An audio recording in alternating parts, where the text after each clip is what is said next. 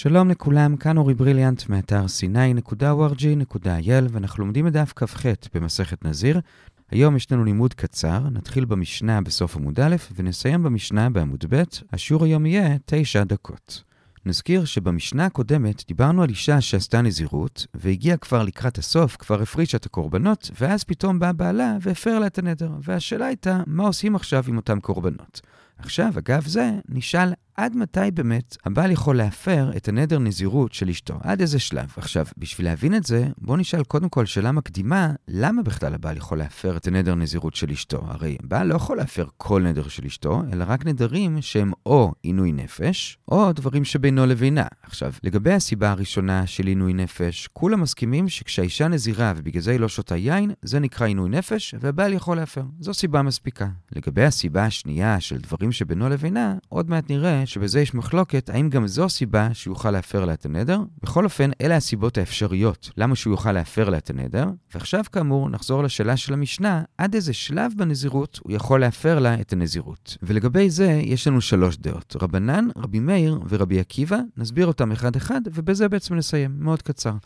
רבנן אומרים שהגורם היחיד שהקובע זה האיסור שלה ביין, כי זה עינוי נפש, כל עוד היא אסורה ביין, אז הוא יכול עדיין להפר לה. אם היא כבר סיימה את השלב הזה והיא כבר לא אסורה ביין, אז הוא כבר לא יכול להפר לה, כי כבר אין לה עינוי נפש, ואז כבר אין לו זכות להפר. עכשיו, כיוון שזה הקריטריון, אז ממילא צריך לשאול עד מתי באמת היא אסורה ביין, ובזה יש מחלוקת, רבנן ורבי אליעזר. רבנן במשנה אומרים שהיא אסורה עד זריקת הדם של אחד מהקורבנות. מהרגע שזרקו את הדם של אחד הקורבנות, אפילו שלא עשו את שאר הקורבנות, וגם היא עוד לא עשתה גילוח, בכל זאת, מאותו רגע היא כבר מותרת ביין, אז כבר אין לה עינוי נפש, ולכן מהשלב הזה, הבעל כבר לא יכול להפר, וגם אם הוא עוד רוצה, הוא לא יכול להפסיק את התהליך, והיא תביא את שאר הקורבנות ותגלח, זה לפי רבנן. עכשיו, רבי אליעזר לא התייחס לנושא שלנו, של עד מתי הבעל מפר, אבל הוא כן התייחס לממתי היא כבר לא אסורה ביין, ולדעתו, ההיתר ביין לא קורה כבר בזריקת הדם של הקורבן, אלא קצת אחרי זה בגילוח. וממילא אומרת הגמרא שלפי העיקרון של רבנן, שהקריטריון היחיד לעד מתי הבעל יכול להפר זה עד מתי היא אסורה ביין, אז באמת לפי רבנן זה עד זריקת הדם, אבל לפי רבי אליעזר זה עד הגילוח. ורק אחרי הגילוח, הבעל כבר לא יוכל להפר, כי רק אז היא מותרת ביין. עכשיו, בסוגריים תשאלו, אם היא כבר עשתה את הגילוח, אז בעצם מה נשאר להפר כאן? היא כבר סיימה את הכל. אז לא, היא לא סיימה את הכל, כי גם אחרי הגילוח יש את הבישול של הזרוע, וההנפה של הזרוע, והרקיקים וכולי. את כל זה, אם הבעל עכשיו יפר, הוא בעצם יבטל. ולא רק זה, כי אמנם לכתחילה צריך לגלח אחרי שלושת הקורבנות, אבל באמת גם אם היא גילחה אחרי קורבן אחד, גם זה תופס, וגם זה יתיר אותה ביין, וגם אז הבעל יכול להפר לפי רבי אליעזר, ואז זה גם יבטל את שאר הקורבנות, אז יש פה עוד מה להפר. בכל אופן, עד כאן השיטה הראשונה,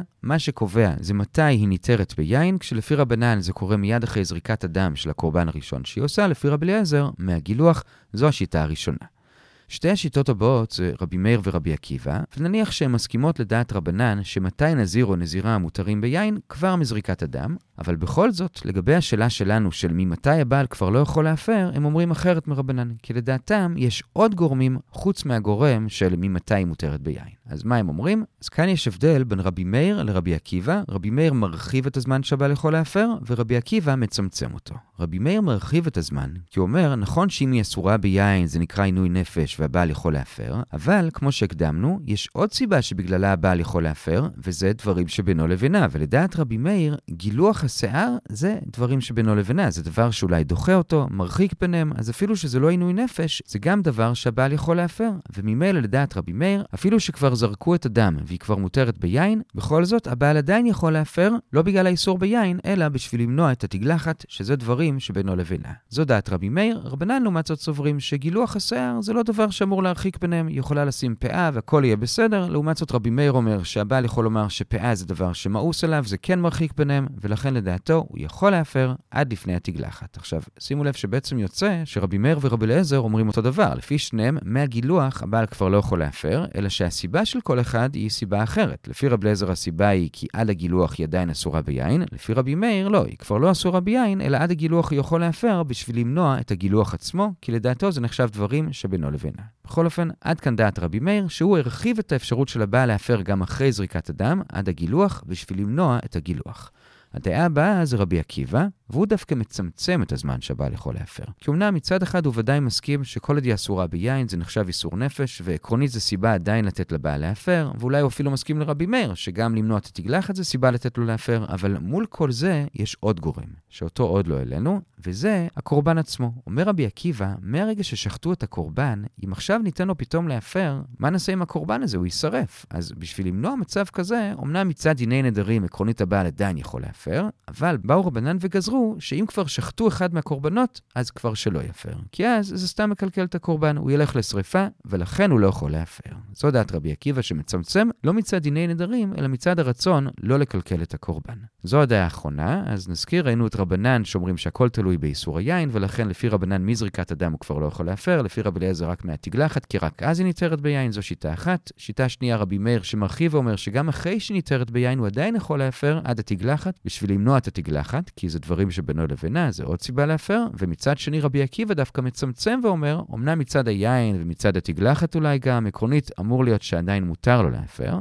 אבל מצד שני, אם הוא יפר אחרי השחיטה, זה יקלקל את הקורבן, ולכן מהשחיטה והלאה הוא כבר לא יכול להפר. זה היה רבי עקיבא. עכשיו לסיום נראה עוד דיון קטן על רבי עקיבא, וזה ששואל רבי זרע, בשורה הרביעית בעמוד ב', למה רבי עקיבא אומר שאם שחטו ואז הבעל הפר לה, זה יקלקל את הקורבן והוא ילך לשרפה? הרי לכאורה יש פתרון. מה הפתרון? אז רגע לפני הפתרון, בואו נבין עוד פעם את הבעיה. מה בעצם הבעיה? אז מה אם הבעל הפר לה? עדיין יש פה קורבן ששחטו אותו, בואו נמשיך לעשות אותו. אלא הבעיה היא שאתה לא יכול לעשות קורבן נזיר כשאין נזיר. היא הרי כבר לא נזירה, אז אתה לא יכול להמשיך לעשות את הקורבן כאילו שהוא קורבן נזיר. זו הבעיה. עכשיו, מילא מציע רבי זרע, יש פתרון. תמשיך לעשות את הקורבן, תזרוק את הדם, פשוט אל תעשה את זה לשם קורבן נזיר, אלא לשם קורבן אחר. כלומר, נגיד זה שלמים, אז אל תעשה את זה לשם שלמי נזיר, אלא תעשה את זה לשם שלמי נדבה. ואז בעצם זה כבר לא שלמי נזיר, זה שלמי נדבה, ואין שום בעיה להמשיך ולעשות את עבודות הקורבן. זה מה שמציע רבי זרע, והוא גם הוכיח את הטריק הזה מברייתא לגבי שלמים אחרים, וזה שלמי עצרת. שלמי עצרת זה שלמים שמביאים יחד עם שתי הלחם בחג שבועות, ומה שמיוחד בהם זה שחוץ מהם, כל שאר השלמים הם תמיד שלמים של יחיד. לפעמים יחיד חייב להביא שלמים, לפעמים הוא מתנדב להביא שלמים, אבל זה תמיד יחיד. רק בשלמי עצרת יש חובה לציבור להביא שלמים. עכשיו, אומרת הברייתא, מה קורה מאיזשהו פסול בתהליך הכנת השלמים? למשל, שחטו אותם לפני הזמן. מה עושים עכשיו? האם השלמים עכשיו סתם ילכו לשריפה?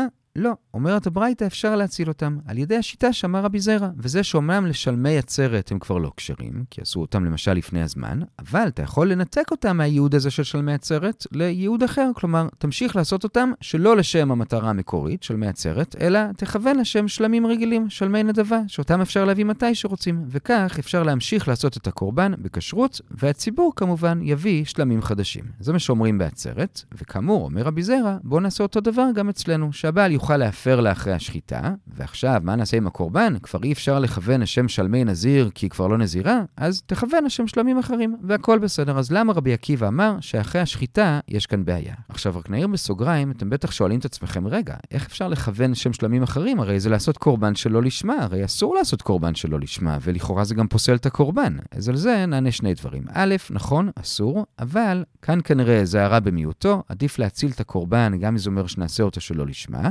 ב', אם עושים קורבן שלא לשמה, אז בשלמים ועולה זה לא פוסל את הקורבן. כך אומרת המשנה ממש בתחילת מסכת זבחים, אמנם זה מנתק בין הקורבן לבין הבעלים שלו, כלומר הוא כבר לא יוצא בזה ידי חובה, אבל הקורבן עצמו נשאר כשר וממשיכים לעבוד עליו, לזרוק את הדם, להקטיר את ההימורים וכולי, וככה גם כאן. אפשר לכוון שזה כבר לא שלמי נזיר, או כבר לא שלמי עצרת, אלא שלמי נדבה, והקורבן עדיין יהיה כשר. אז עד כאן השאלה של רבי זרע, למה רבי עקיבא אמר שאחרי השחיטה זה יקלקל את הקורבן?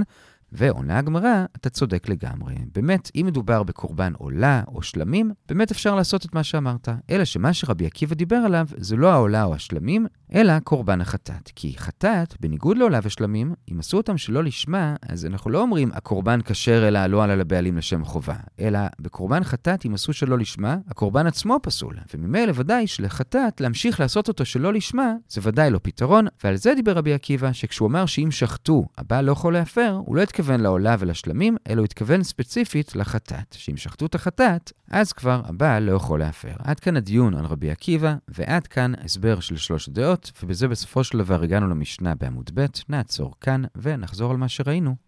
שאלנו היום שאלה אחת, וזה עד מתי הבעל יכול להפר לאשתו את נדר הנזירות, ולגבי זה ראינו שלוש שיטות.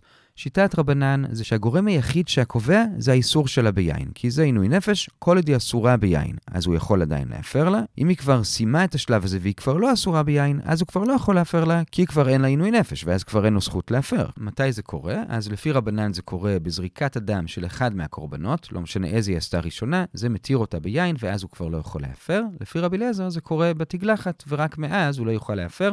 זו השיטה הראשונה.